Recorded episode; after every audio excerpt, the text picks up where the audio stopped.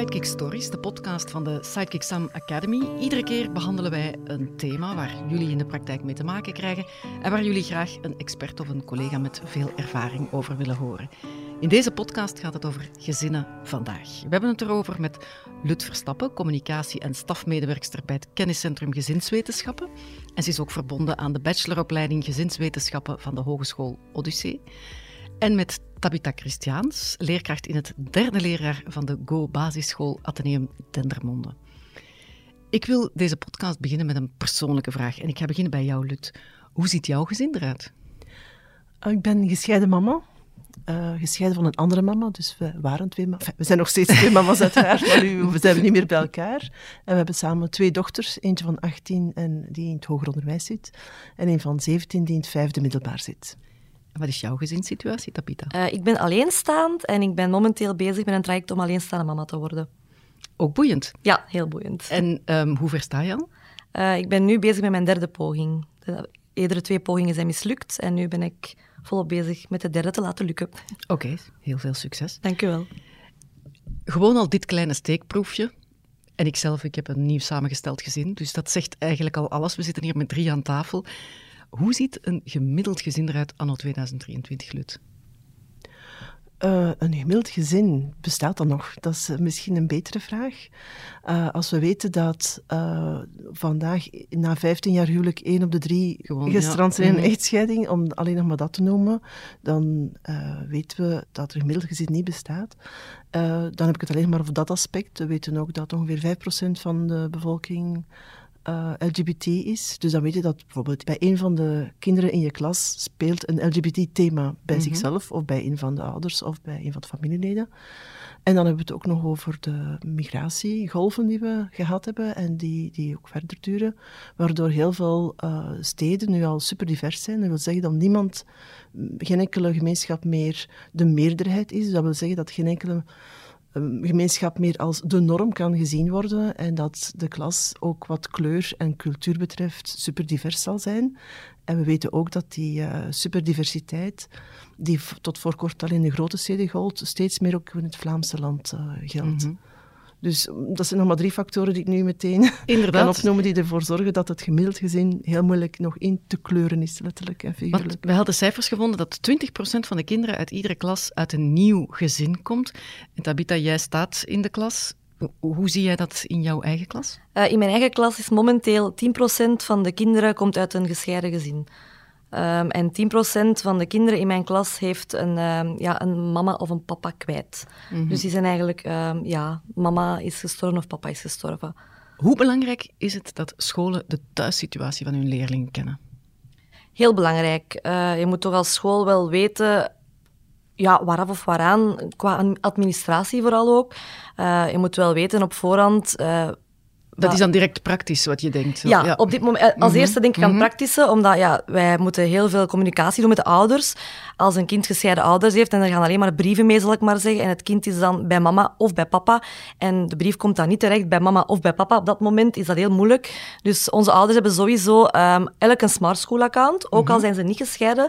Zowel mama heeft een smart school account als papa. Dus wij sturen sowieso de mails naar Iedereen, elke ouder, ook al zijn ze niet gescheiden, dus dat elke ouder het sowieso toekrijgt. Denk jij, Lut, dat leerkrachten zich daar voldoende bewust van zijn dat er zoveel verschillende gezinsvormen bestaan en wat dat dan ook concreet betekent voor die kinderen? Ik denk dat ze steeds meer weten, maar toch dat ze um, misschien het risico lopen om te veel van, hun, van zichzelf te vertrekken. Dus uh, we zaten hier rond de tafel, we hebben al drie een andere gezinssituatie. Mm -hmm. uh, dat maakt je gevoeliger voor het feit dat er ook nog andere gezinssituaties kunnen zijn. Maar uh, als we bijvoorbeeld over scheiding hebben, is het heel belangrijk dat je niet vergeet dat jouw verhaal niet altijd het verhaal van de andere is. En dat je enorm je ogen en oren moet openhouden en open-minded moet zijn tegenover de situatie van kinderen die heel anders kan zijn. Het is toch altijd een klein beetje delicaat om te polsen naar een thuissituatie. Je, je kan soms onbewust uh, ja, op iets pijnlijks een pijnlijke knop duwen. Hoe kun je dat als school op een goede manier doen? Ik vind dat je enorm moet opletten om een kind daarna, bij een kind daarna te polsen, zeker de jongere kinderen, op het moment dat je inderdaad een vraag stelt, kun je inderdaad heel wat triggeren. Mhm. Bovendien maak je dat kind dan toch een beetje als een boodschapper van de situatie thuis. En ik denk dat dat een van de gouden regels is die we misschien kunnen meenemen. Vermijd om je kind als boodschapper te nemen. Dus we hebben al een good practice gehad van niet gewoon één brief meegeven. er zijn ook veel voorbeelden nog van een rapport dat na één weekend moet teruggebracht worden, maak daar een algemene regel van dat daar twee weekends kunnen overgaan. Ja, als uh, het ene weekend bij de ene ouder ja, zodanig zijn, dat dat ja. geregeld is voor alle kinderen. Mhm. Er is geen grote reden waarom dat dan na één weekend zou moeten terugkeren. Dus dat zijn kleine dingen die je kan mhm. doen. Ik zou er ook voor pleiten, maak van de inschrijvingsmoment een open gesprek. En dan moet je heel veel checklists invullen als school, moet je een aantal... Uh, data moet verzamelen die de overheid vraagt. Mhm. Uh, dus er moeten heel wat lijsten ingevuld worden. Uh, bekijk die lijsten kritisch. Hè. Ik heb heel veel uh, momenten meegemaakt waarop, mij, waarop ik en mijn ex lachend zeiden: Ben jij vandaag moeder en, of, of ik vandaag? Ben jij vandaag vader? Of, uh, omdat er heel vaak vanuitgaan wordt dat er een moedertje, vadertje ja. uh, zijn. Dat is één ding. Maar goed, dat is nog niet het ergste, omdat dat nu met de kinderen niet zoveel te maken heeft. Maar maak van, de, van, van het moment ook een open gesprek over hoe gaat het thuis en hoe gaan we daarmee om. Zeker bij jongere kinderen, uh, in geval van afhalen van kinderen, kunnen dat ook plusouders zijn bijvoorbeeld. Probeer daar een open gesprek over te hebben. Als je voelt dat dat totaal niet mogelijk is, dan weet je ook al dat er een conflictueuze mm situatie is. En dan zal je dus op een delicater manier er moeten mee omgaan, maar dan weet je tenminste ook. Wij kunnen daar ook nog heel veel van leren eigenlijk, want zoals u daar net ook zei, als we bij onze kinderen moeten ingeschreven worden, staat er echt op um, telefoonnummer mama, telefoonnummer papa naam mama, naam papa. Dus niet echt naam ouder 1, naam ouder 2. Verouderd aan ja, 2023. Inderdaad. Dus als we daar inderdaad verder over nadenken, kunnen we daar nog wel uh, wat van leren om het toch te verbeteren in die richting. Uh, wat je ook zei voor die inschrijvingen daarnet, wij hebben ook een heel open moment over de inschrijvingen, maar ook elk jaar wordt er bij ons opnieuw met de kinderen in september de inschrijvingsfiche meegegeven. Ja, Moest er iets veranderen, dan uh, gaat mama of papa, of mama, eh, ene mama, andere mama, uh, dus de ouders, gaan dat aanduiden op uh, de fiche. Bijvoorbeeld, wonen de kinderen nu op een ander adres, of mhm. wonen ze op twee adressen, dat wij ook niet meteen bij de kinderen zelf moeten gaan polsen in september, ha, is er iets veranderd? Veranderen in jouw gezinssituatie. Nee, de ouders schrijven dat zelf op op het blad. En wij kunnen het zo bekijken. Stel dat er dan echt iets veranderd is, kunnen wij dat kind wel een keer bij ons nemen, maar ook niet in de hele algemene groep van, ah, wil je iets vertellen over wat er gebeurd is? Of dat wij ook weten hoe staat het kind er tegenover en hoe gaat hij ermee om. Je merkt dat uh, het ene kind daar beter mee om kan dan het andere kind. En wij hebben ook een, uh, een in onze school die mhm. eigenlijk instaat voor met de kinderen een gesprek te voeren. Als wij merken van het kind heeft het daar wat moeilijker mee, stel dat we dat nog niet weten, want na de vakantie bij mij is er een kind waarvan de ouders gescheiden zijn. Als het kind dat nu niet meteen komt zeggen, maar je merkt wel dat hij mentaal toch wel wat problemen daarmee heeft, dan mhm. kun je wel zeggen van, is er iets gebeurd? Heb je zin om er even over te praten met de eigen juf of met de andere juf? Uh, is het toch wel belangrijk te weten van waar het komt op dat moment. Hoe bepalend is de leeftijd van een kind bij een gezinsverandering? Het spreekt voor zich dat kinderen uh, heel anders reageren en dat hun behoeften ook heel anders zijn. En dat is een beetje de, de, de teneur die we in dat boek, dat we een aantal jaren... boek bij je, ja. wat, wat voor een boek, is dit? Uh, um, uh, de titel is Een week mama, een week papa, wat kinderen bij een scheiding echt nodig hebben. Mm dat is natuurlijk al een heel genderstereotype, waar mm -hmm. ik heb mhm. toen met mijn collega over gediscussieerd, maar uh, de uitgever wilde het nu graag zo. Eigenlijk sta, staat daar ook wel een beetje in van, je doet als ouders je best om bijvoorbeeld een goede regeling op te stellen, en, en, maar daarmee is de, dat is al een moeilijk proces vaak, maar daarmee is de mhm. kast niet af. Want de behoeften van een, een, een heel klein kind, een middelbare schoolkind, een, uh, een lagere school, een middelbare school enzovoort, zijn uiteraard anders. Dat vinden wij allemaal normaal, maar we vergeten dat wel vaak. Dus er wordt dan een verblijfsregeling opgesteld die past bij een klein kind, waar wij bijvoorbeeld twee wissels per week zijn, uh, omdat een hele week de andere ouder missen heel zwaar valt voor heel kleine kinderen. Uh, dat evolueert dan, maar als de andere ouder dan niet meer mee, mee wil, dan zit je dus met een regeling die niet meer past bij je kind en waar je kind tegen in verzet gaat. Een puber die uh, vindt andere dingen belangrijk, die wil naar de scoutsclub, naar de sportclub, die bij de, misschien in de gemeente van de ene ouder zich situeert en heeft misschien geen zin om een Hansweekend in, bij de andere ouder te zijn. Ik hoorde zo deze week een dus- verhaal en ik vond dat hartverscheurend, echt van een puber die in de week gewoon bij de moeder is in Vlaams-Brabant, en die in het weekend in Charleroi wordt verwacht. Dan dacht ik naar fuiven toe, naar sociaal leven toe, dat is zo moeilijk. Dat is heel moeilijk, denk ik, ja. Want dat is dus heel belangrijk op die leeftijd. En tegelijk speelt ook die loyaliteit nog, ook al zijn die pubers uh, blijkbaar stoer of lijken ze stoer, daar zit toch nog dat kind achter dat de, de loyaliteit en de banden met die beide ouders wil, wil behouden. Er is zoiets als een puber-ijsberg, wat is dat precies? Ja, dus die puber die, die, die het al moeilijk vindt om zijn eigen gevoelens of haar eigen gevoelens te begrijpen, laat staan te uiten. Uh, die, die, die gaat al die worstelingen van binnen, die gaat die op een manier uit zoals een ijsberg. Dus je ziet het puntje daarvan, maar er zit een, hele um, waaier van gevoelens onder. Of misschien eerder een vulkaan die dan kan, al eens durft uitbarsten mm. Naar aanleiding van een futiliteit of een klein conflict. Reageren jonge kinderen daar anders op? Er is natuurlijk ook het temperament van het kind. Hè. Dus het ene kind gaat zich helemaal in zichzelf sluiten en heel stil worden. Het andere kind gaat juist heel baldadig worden. Wat je ook soms ziet, is dat een kind thuis heel voorbeeldig is en het op school enorm uithangt. Uh, waardoor uh, ja, sommige psychologen zeggen van die compenseert eigenlijk dat hij thuis gaat hij op eieren lopen, omdat hij mhm. weet, mama, mama, papa, of uh, heeft het al moeilijk, ik ga niet nog eens voor moeilijkheden zorgen. En die gaan oplossend gedrag vertonen thuis, heel, hulp, heel hulpvaardig zijn en zo. Mhm. Ja, dan komt dat kind, dat baldadige kind op school naar boven en wordt die... Ja, Soms is het ook andersom. Wij merken ook dat de kinderen bij ons dan heel braaf zijn en heel hulpvaardig. En dat ze dan thuiskomen, dat we van de ouders ook horen van thuis kunnen we er echt niks mee aanvangen. Dan komt dat gedrag naar boven. Ze willen in de klas voorbeeldig zijn. Maar thuis komt het dan tot uitbarsting. Dus ik denk dat het in de twee richtingen eigenlijk wel kan dat gaan. Zeker. Hoe ga je daarmee om als leerkracht? Ja, in het begin denk je dan, als die ouders dan zeggen van oei, hij of zij heeft het thuis weer uitgehangen, dan denk je van dat kan niet. Dat is ongeloofwaardig in het Want in de klas is dat helemaal ja, niet zo. Maar dan natuurlijk, ja, met de ervaring dat je opbouwt, weet je ook van, ja, die kinderen hebben inderdaad wel ergens problemen dat dieper in zich zitten, dat dan in het begin niet zichtbaar zijn voor ons. Um, en daardoor, ja, je gaat dan meer dat kind betrekken tot één-op-één gesprekken. Je zorgt voor een positief klasklimaat, zowel mhm. in de klas als tussen jou en het kind zelf. Het ehm, positieve klasklimaat, als, als zo een kind, want je gaf het voorbeeld dat er iemand net uh, van gescheiden ouders is na een vakantie. Vertel je dan zoiets in de klas ook, van we moeten hier even iets meedelen, of zwijg je daarover in de klas? Um, ik, ga, ik vraag het wel zelf aan het kind. Dus mhm. als het kind er zelf wil over vertellen, dan mag het kind daarover vertellen. Maar ik ga het niet voor heel de klas vertellen van ah, jongens en meisjes, we moeten eventjes iets vertellen, want er is iets veranderd uh, in de gezinssituatie van een leerling. Dat doen we niet. Maar we praten wel met de leerlingen over van wil jij tegen jouw vriendjes zeggen of tegen jouw klasgenoten, dan mag dat zeker. Maar je moet ook wel weten dat dat geen verplichting is. Je mag dat ook voor jou houden. Mm er zijn ook andere manieren waarop je dat kind een beetje kan ondersteunen. In veel uh, klassen wordt er op een bepaald moment iets voorgelezen of wordt er samen iets gelezen.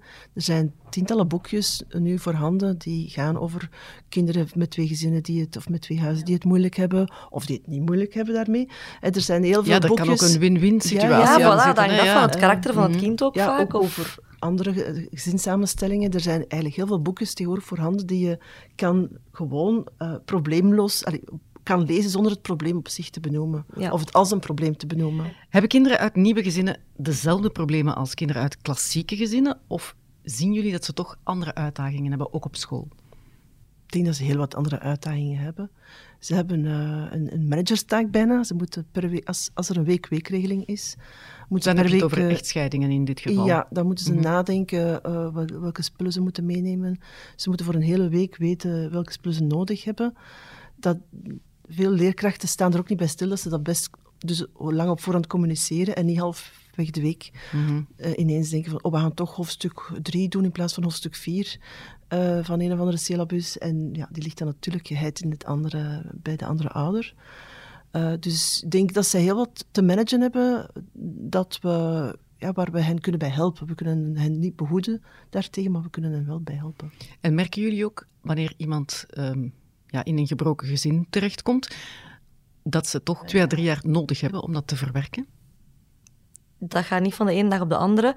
Wij merken ook, wij hebben in eh, het derde leerjaar een thema familie ook. Mhm. En dan maken wij een familiestamboom met de kinderen. En er zijn heel veel kinderen die dan... Wij, wij maken daar ook ineens een open onderwerp van. Ja, heb je plus mama, heb je een plus papa? Ehm, dat wordt ook mee op de stamboom gezet, als de kinderen dat willen. Dus ze vragen ook aan ons... Ja, want het kan zeer delicaat liggen natuurlijk. Ze vragen aan ons van, ah ja, juf, mijn mama heeft bijvoorbeeld een nieuwe vriend, mag ik die mee op de stamboom zetten? En dan zeggen wij ook, ja, als jij je daar goed bij voelt. Als die voor jou daarop hoeft, dan mag dat, maar hoeft die voor jou daar niet op, dan moet dat niet. Ook bijvoorbeeld de, de kinderen met de overleden mama of de overleden papa, die vragen dan, moet ik mijn mama of mijn papa er nog op zetten, want die zijn er niet meer dat wij ook zeggen van natuurlijk, want dat is jouw mama of jouw papa, dus die horen wel op jouw familiestamboom. Dan zet je daar gewoon een kruisje bij. Maar kinderen vragen zich echt af. Je ziet dat die al tijdens het begin van die les met die problemen zitten van oei, moet ik wel mijn mama of mijn papa daar nog op schrijven? Of moet ik mijn plusmama en mijn pluspapa erop schrijven en het hele gezin? Dat kind worstelt niet alleen met haar of zijn eigen gevoel, maar ook met die, houdt enorm rekening van, ja, straks komen ze thuis met die mooie tekening of die mooie collage. Hoe gaan ze daarop Hoe reageren? gaan die ouders daarop reageren? En ga ik dat volgende week ook meenemen naar mijn andere ouder, enzovoort. Dus dat, dat zijn heel gevoelige thema's waar inderdaad heel delicaat moet mee omgaan. En ik kan mij ook voorstellen dat kinderen willen voldoen aan de norm en dat dat nog heel vaak toch het klassieke gezin is in vele hoofdjes. Jouw kinderen bijvoorbeeld, heel concreet, hebben zij zich daar ooit voor geschaamd, mochten ze nu zo'n zo'n uh, stamboom maken of zo, of een moederdag, vaderdag cadeautje, om te zeggen, ik heb twee mama's? Uh, ik hoop van niet, ik denk van niet. In de lagere school is het eigenlijk redelijk vlot gegaan. Ze zaten in een uh, frenesschool waar ja. ook heel actief met allerlei gezinsvormen werd omgegaan. Maar ook in die context was er toch wel één leerkracht die, die een paar keer vroeg van ja, maar wie is nu de echte mama? Ah, ja. Ze wilden informatie eigenlijk mm. toch alleen aan de echte mama geven. En dat is dan de biologische ja, mama, zo gezegd? Daar dan een beetje om lachen, eigenlijk. Van, ja, uh, en er was ook wel, uh, soms waren er kinderen die het niet begrepen hoe het de vork in de steel zat, wat logisch is. Mm -hmm. Maar die ook na herhaaldelijke uitleg bleven zeggen, dat kan niet dat jij twee mama's hebt. Dus uh, waarmee dat dan eigenlijk een echo van thuis weer klonk van, waarschijnlijk krijgt hij thuis de boodschap van, ja, maar dat kan eigenlijk niet hoor, je moet dat niet geloven. hoe hebben jullie daarop ingespeeld?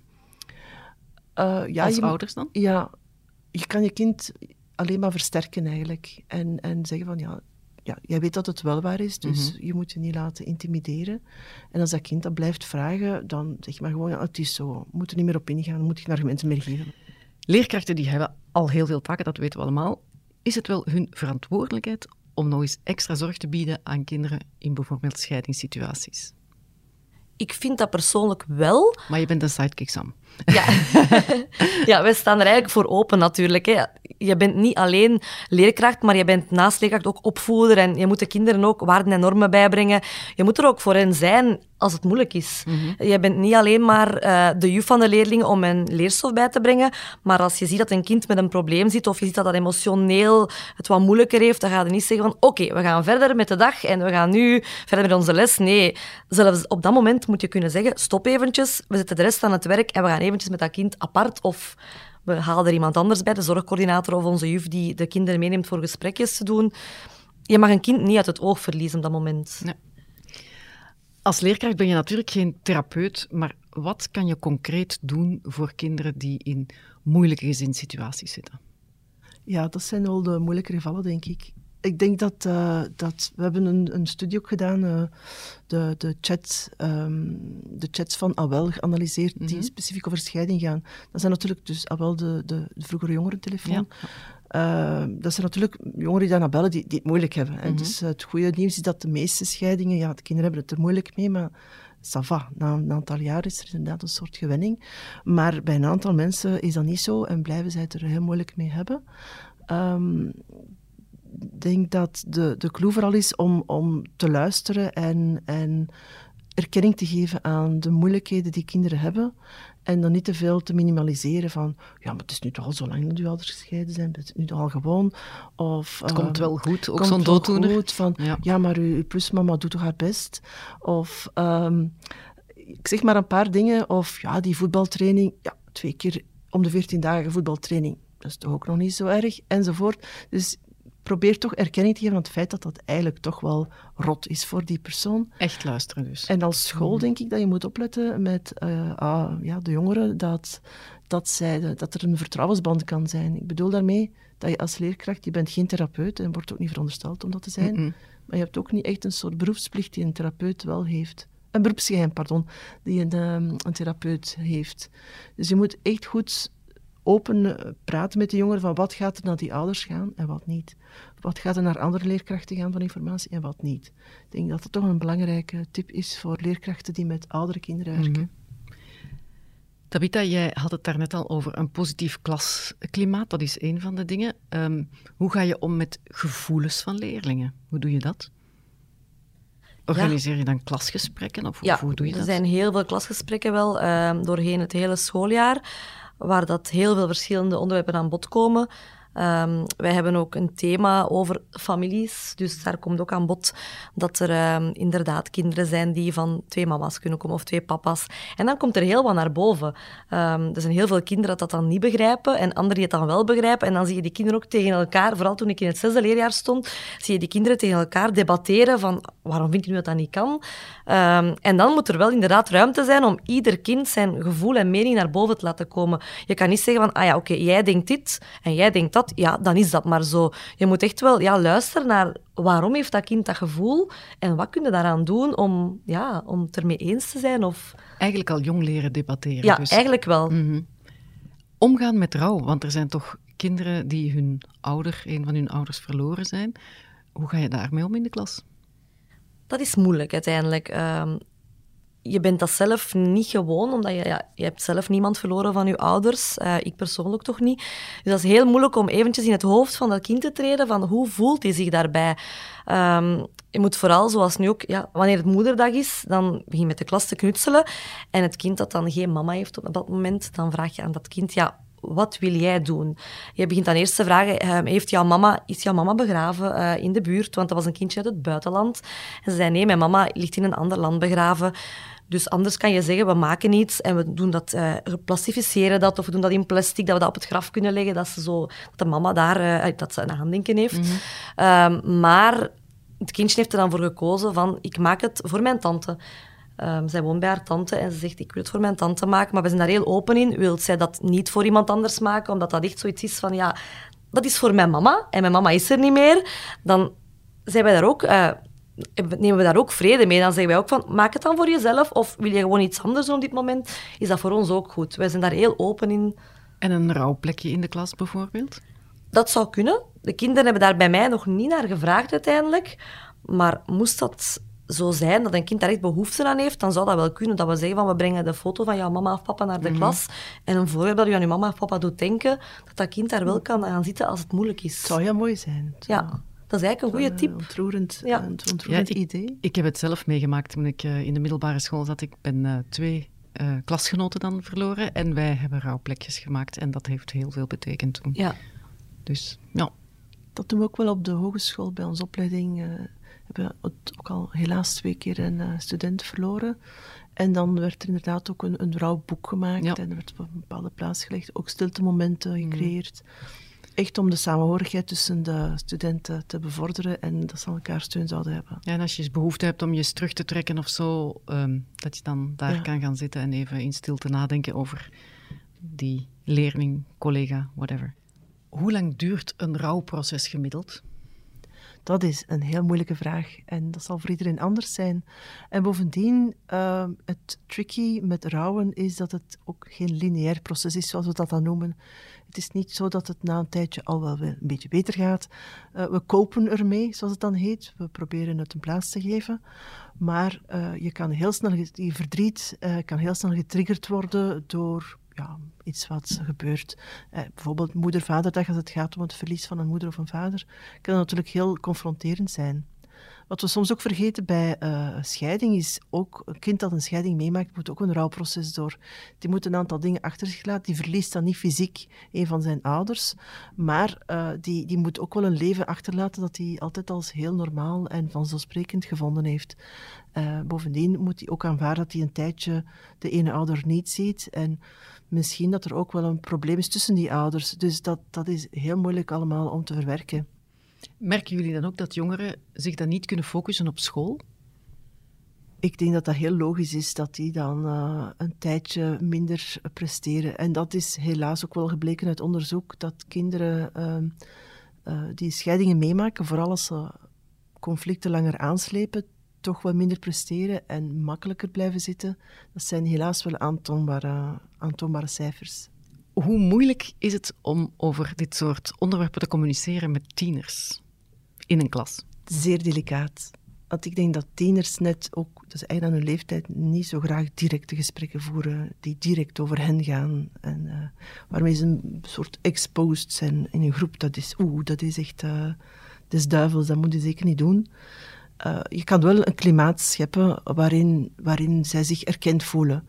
dus bijvoorbeeld een, een, een, debat dat aan een bepaald thema gaat, een film vertonen die over een bepaald thema gaat, waarvan je weet dat het leeft in de klas. Mm -hmm. Ik denk dat het ook heel belangrijk is, uh, tieners gaan vooral steun bij elkaar zoeken.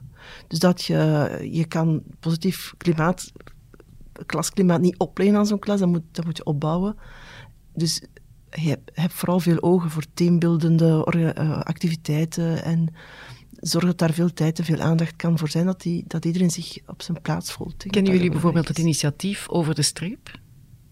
Ja, ja, dat ken ik is eigenlijk een heel mooie oefening die inderdaad voor tieners wel kan helpen, waarbij ja, iedereen moet achter één streep gaan staan en dan de personen die uh, voldoen aan een bepaalde eigenschap, die moeten dan een stap vooruit of achteruit zetten.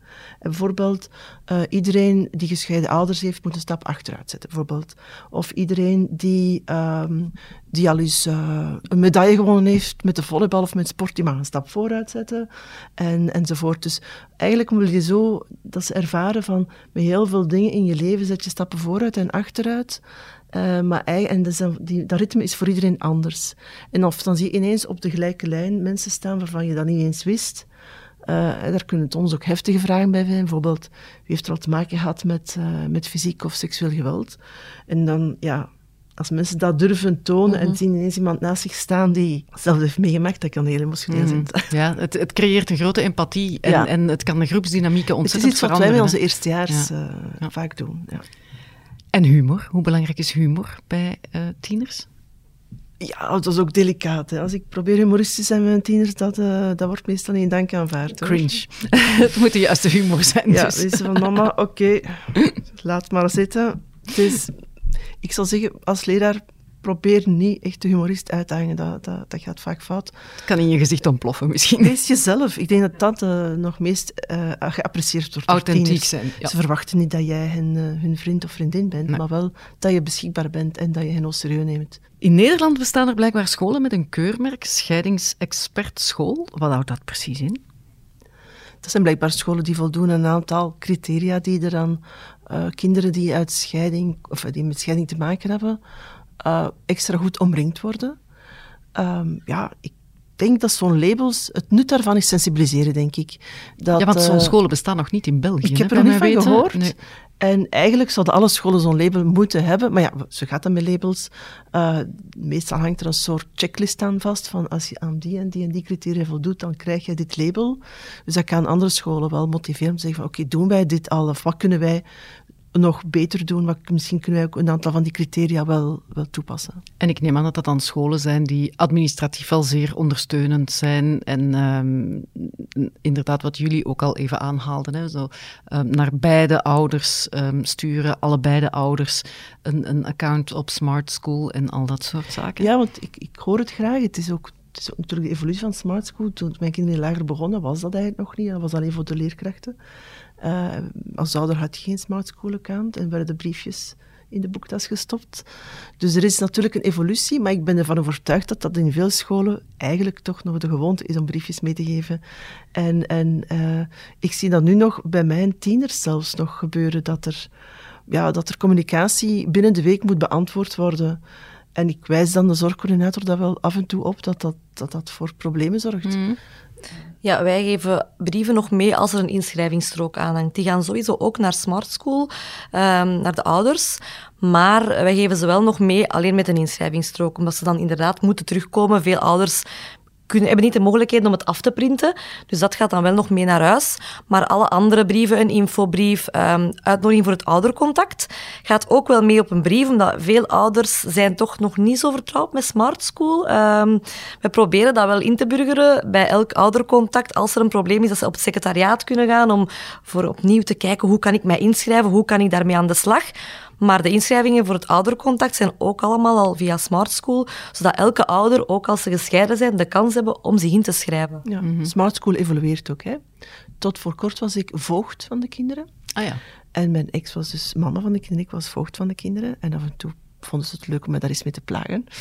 Maar dat was gewoon een plagerijtje. En nu, uh, de, in de, sinds, sinds de vijfde middelbaar van de jongste, ben ik ineens ook mama. Dus ja, dat vonden wij wel leuk. Maar, dus die symboliek is wel belangrijk uh, op een manier. Ja. En dus de Smart School uh, kan nu dus twee personen als mama aanduiden. Dat kon vroeger niet. Ik snap die dingen ook niet, waarom dat die zo moeilijk zouden zijn.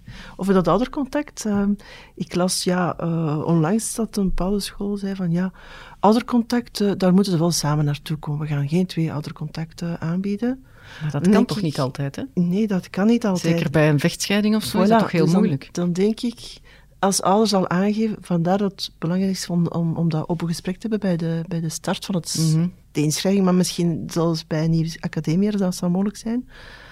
Uh, om de situatie een beetje te kennen. Als ouders daar aangeven van wij gaan niet samen naar de inschrijving al niet komen, we gaan ook niet samen naar de oudercontact komen, dan weet je ja, dat er een probleem is. En dan, dan kan je dat ook niet gaan opleggen. En de aanwezigheid van een plusouder kan ook zeer delicaat zijn.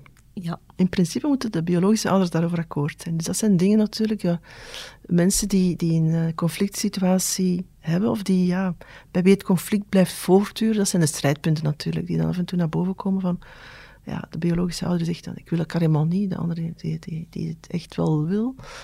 Uh, dus dat is jammer dat die strijdpunten, ja, bij conflictueuze situaties, waar ook gradaties in zijn, uh, is het jammer genoeg, zie je het jammer genoeg gebeuren dat, dat dat wel punten zijn. Maar het kan zeer delicaat zijn. Het gaat over een kind, hè? het gaat over jouw kind. Dat is uh, altijd heel gevoelig. Hè? Lut, jullie ontwikkelden met het kenniscentrum een e-learning pakket voor professionals bij scheiding. Welke eye-openers kan je daarvan meegeven aan leerkrachten? De belangrijkste is om, om een open geest te hebben, om te weten dat uh, heb een open geest van hoe het conflict eruit ziet, hoe het evolueert. En probeer neutraal te blijven tegenover de beide partijen. Um, ik kan me voorstellen dat dat zeer belangrijk voor is. Voor leerkrachten uh, is de belangrijke tip ook, en dat zal misschien niet altijd makkelijk zijn, neem zelf geen standpunt in. Mm. En dan denk je, ja, dat is nogal evident. Mm -mm. Maar als jij voelt van, ja, ik vind de situatie echt heel oneerlijk. En je hebt eigenlijk automatisch wel een beetje sympathie voor de situatie van de ene ouder tegenover de andere. Durf je dat wel uitstralen of durf je daar ja, onbewust uiting aan geven? En waarbij dat kind dan opnieuw in een situatie komt van, ja, die heeft het al moeilijk, uh, dat, dat die in, in, interne conflicten alleen maar vergroot worden. Kun jij neutraal blijven, Tabita? Dat is soms moeilijk. Zoals zij zegt, ja, je kan je sowieso vaak beter vinden in de ene situatie dan de andere, maar je mag dat niet laten blijken. Dus dat is dan een sterkte dat je moet hebben op dat moment. Zeker op een oudercontact bijvoorbeeld. Als de ene ouder um, de andere ouder begint slecht te maken, want dat gebeurt al een keer, dan moeten wij echt zeggen van, u bent hier voor het kind en we gaan nu het kind bespreken en niks anders. Dat is slim. Ja. Afblokken. Je weet ook nooit wat er echt achter zit. Soms kan, kan, kan voor jou het gedrag van een bepaalde ouder heel onredelijk zijn, bijvoorbeeld. Maar misschien heeft die ja, ook heel veel persoonlijke problemen die spelen, waardoor ja, het gedrag op dat moment misschien niet zo aanvaardbaar heeft, niet zo constructief is. Maar de, de, de motivatie die erachter zit van die ouder is wel nog steeds positief. En dat is niet altijd, moeilijk, eh, niet altijd makkelijk om, om te zien. Mhm. Maar het is wel belangrijk, dat is ook een tip die, uh, die we aan ouders willen meegeven, of, of leerkrachten. Mm.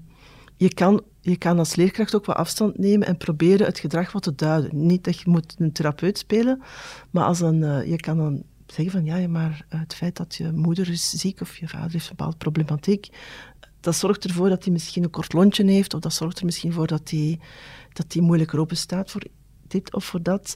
Niet eh, om standpunt in te nemen, maar om de spanning bij het kind te verminderen. Als je ziet van ja, dat mag er zijn en er is begrip voor mijn situatie, ook al is ze niet leuk, dat gaat zich veel rustiger voelen. Bij drie op de tien leerlingen hebben gescheiden ouders nooit contact over de opvoeding. En bij meer dan vijf op de tien is dat maximaal één keer per maand. Hoe kan je daar als leerkracht mee omgaan? Ik, ik zie, Tabitha, dat je schrikt van die cijfers, hè? want dat is niet eenvoudig. Hè? Nee, dat is niet eenvoudig. Ik heb het al meegemaakt uh, in mijn carrière, dat er inderdaad ouders zijn die totaal niet communiceren met elkaar en dan moet het kind de boodschapper zijn. Naar mij toe, naar mama toe, naar papa toe. En dat is heel moeilijk, want ja, dat maakt het heel moet kind zijn. Het kind, moet niet dat ook nog eens op zijn rugzakje nemen om, om naar mama of papa of de juf de boodschap te brengen. Mhm. um, ja, dat is voor ons zelf, daarmee dat wij ook heel blij zijn dat wij de ouders kunnen aanspreken via mail, want soms krijgen wij de ene ouder ook niet te zien. ehm, dat ze het ook zo te weten komen. Want wij willen ook niet altijd het kind belasten met de boodschapper te zijn naar de andere ouder toe. Naar mijn gevoel vind ik dat dat een grens is. Dat, dat, dat, dat je dan als school wel mag ingrijpen of, of inderdaad een standpunt innemen tegenover beide ouders van wij zien dat het kind eigenlijk te zware rugzak heeft. Aan jullie om het aan te pakken, maar dat is wel het signaal dat wij willen geven.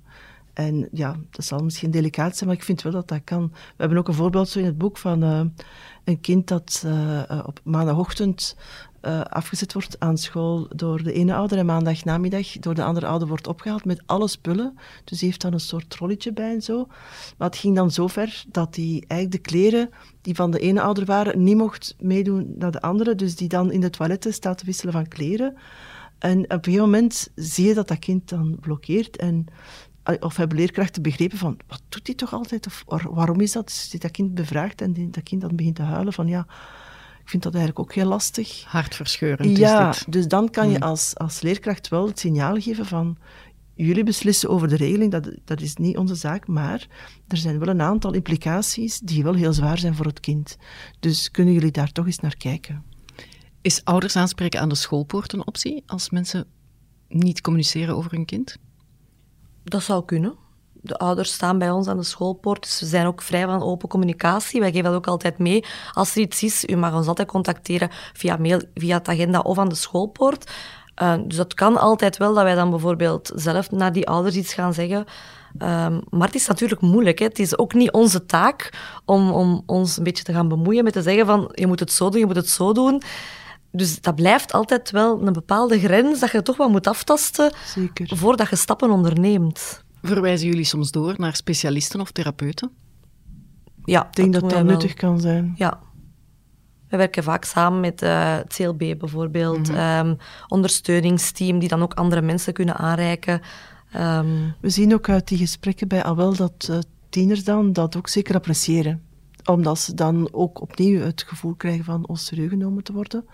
En CLB-medewerkers hebben een ander statuut dan leerkrachten of zorgcoördinatoren. Die hebben wel uh, beroepsgeheim. Uh, dus die, er is wel een, een, andere relatie. En ja, er zijn wel tieners die getuigen van ja, dat heeft wel iets veranderd. Mm -hmm. Ook tegenover de ouders is er, komt dan een signaal van ja, je moet wel ingrijpen, want hè, er is wel een probleem en je kind trekt het niet. Dus, uh... En soms zijn ouders zelf zo aan het worstelen dat ze het ja, misschien niet gezien hebben. Ja, dat, dat is ook zo. Is waar, dus ja. dat mogen we ook soms...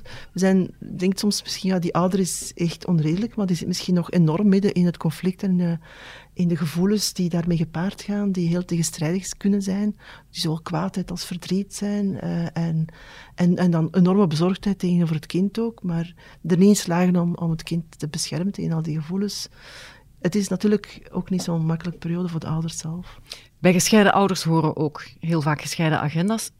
Kan je daar als school rekening mee houden? Ik denk dat dat een van de makkelijke dingen is waar je als school kan rekening mee houden. Dat, dat, is, dat is ook een mindset die je moet hebben, waarbij je niet verwacht dat uh, binnen, de, binnen de week materiaal meegebracht wordt. En vaak is dat in de lagere school van, we gaan lekker knutselen, breng allemaal zoveel mogelijk uh, dopjes mee van flessen en weet ik veel. Dus geef de kinderen de kans om dat bij de beide ouders aan te kaarten en van de beide ouders gevoed te worden, ook grootouders, netwerken van de beide kanten. En bij de oudere kinderen, um, die geacht worden om zelf uit te vissen, welke mappen moet ik meenemen, welke syllabussen moet ik meenemen, houd er rekening mee dat die dan een week voorhand moeten weten. En maak je planning dus ook ver, ruim genoeg op voorhand op, zodat die niet halfweg uh, tijdens de week naar de andere ouder moeten, want dat is niet voor iedereen evident. Nee, dat merken wij bij ons ook. Onze kinderen zijn dan jonger, derde leerjaar. Uh, wij merken vaak bij gescheiden ouders dat uh, ze moeten aan een toets voorbereiden van wiskunde bijvoorbeeld. Ze komen naar school en zeggen, ah, juf, mijn boek lag nog bij de andere ouder. Dan moet je als leerkracht niet zeggen van, ah, het is weer jouw schuld, je bent het weer vergeten. Want het kind kan ook niet aan alles denken op dat moment. Het is, ja, het is niet het kind zijn schuld dat dat boek daar nog ligt. Of het kind heeft zoveel waar hij moet aan denken, dat hij ook nog niet kan denken van, ah ja, ik moet zeker zien dat ik dat boek meeneem of dat ik dat... Het is heel moeilijk om, om dat voor te bereiden op dat moment. Mm -hmm. Het puberbrein is op dat gebied nog veel explosiever. Want dat gaat alle kanten uit. Ja, dat en denk die ik zijn ook. natuurlijk... Ge gereputeerd om het van alles te vergeten. Dus die moeten Zelfs dat als dan... ze op één adres wonen. Ja, hè, dat is ja, gewoon natuurlijk. Dus dat, standaard. Dus je moet dat in het kwadraat bevechten. Dus uh, dat vraagt wel energie en, en enige geduld daarmee ook. Uh, wat je als school ook kan doen, is ehm, bijvoorbeeld, vaak moeten ze in de middelbare een, een bepaald t-shirt aankopen met de logo van de school voor de turnles en zo. Mhm. Dus wij vroegen van bij de start van, ah ja, dat is goed, we willen er twee. Ah ja, dat kan niet, want we hebben er maar net genoeg besteld. We zullen ze bijbestellen. Oké, dan is dus januari geduurd voor het tweede t-shirt er was. Dan denk ik, hoe moeilijk kan het eigenlijk zijn? Dat is nu ook niet nodig.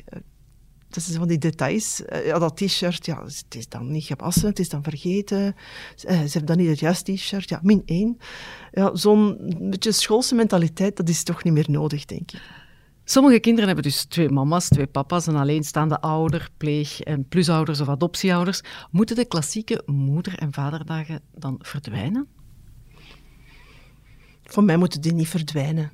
Nu, verdwijnen, laat ons wel eerlijk zijn, dat is ook maar een, uh, een 19e-eeuwse uitvinding, uh, vooral met marketingdoeleinden. Dus het is niet dat dat zo in onze cultuur ingebakken zit. Maar het blijven gevoelige dagen, vooral omdat de band met je moeder, je vader, je ouders nu eenmaal heel gevoelig is. Dus als je daaraan elk jaar heel extra aandacht gaat aan geven, ga je ook extra aandacht geven aan de moeilijke gevoelens die daarmee gepaard gaan.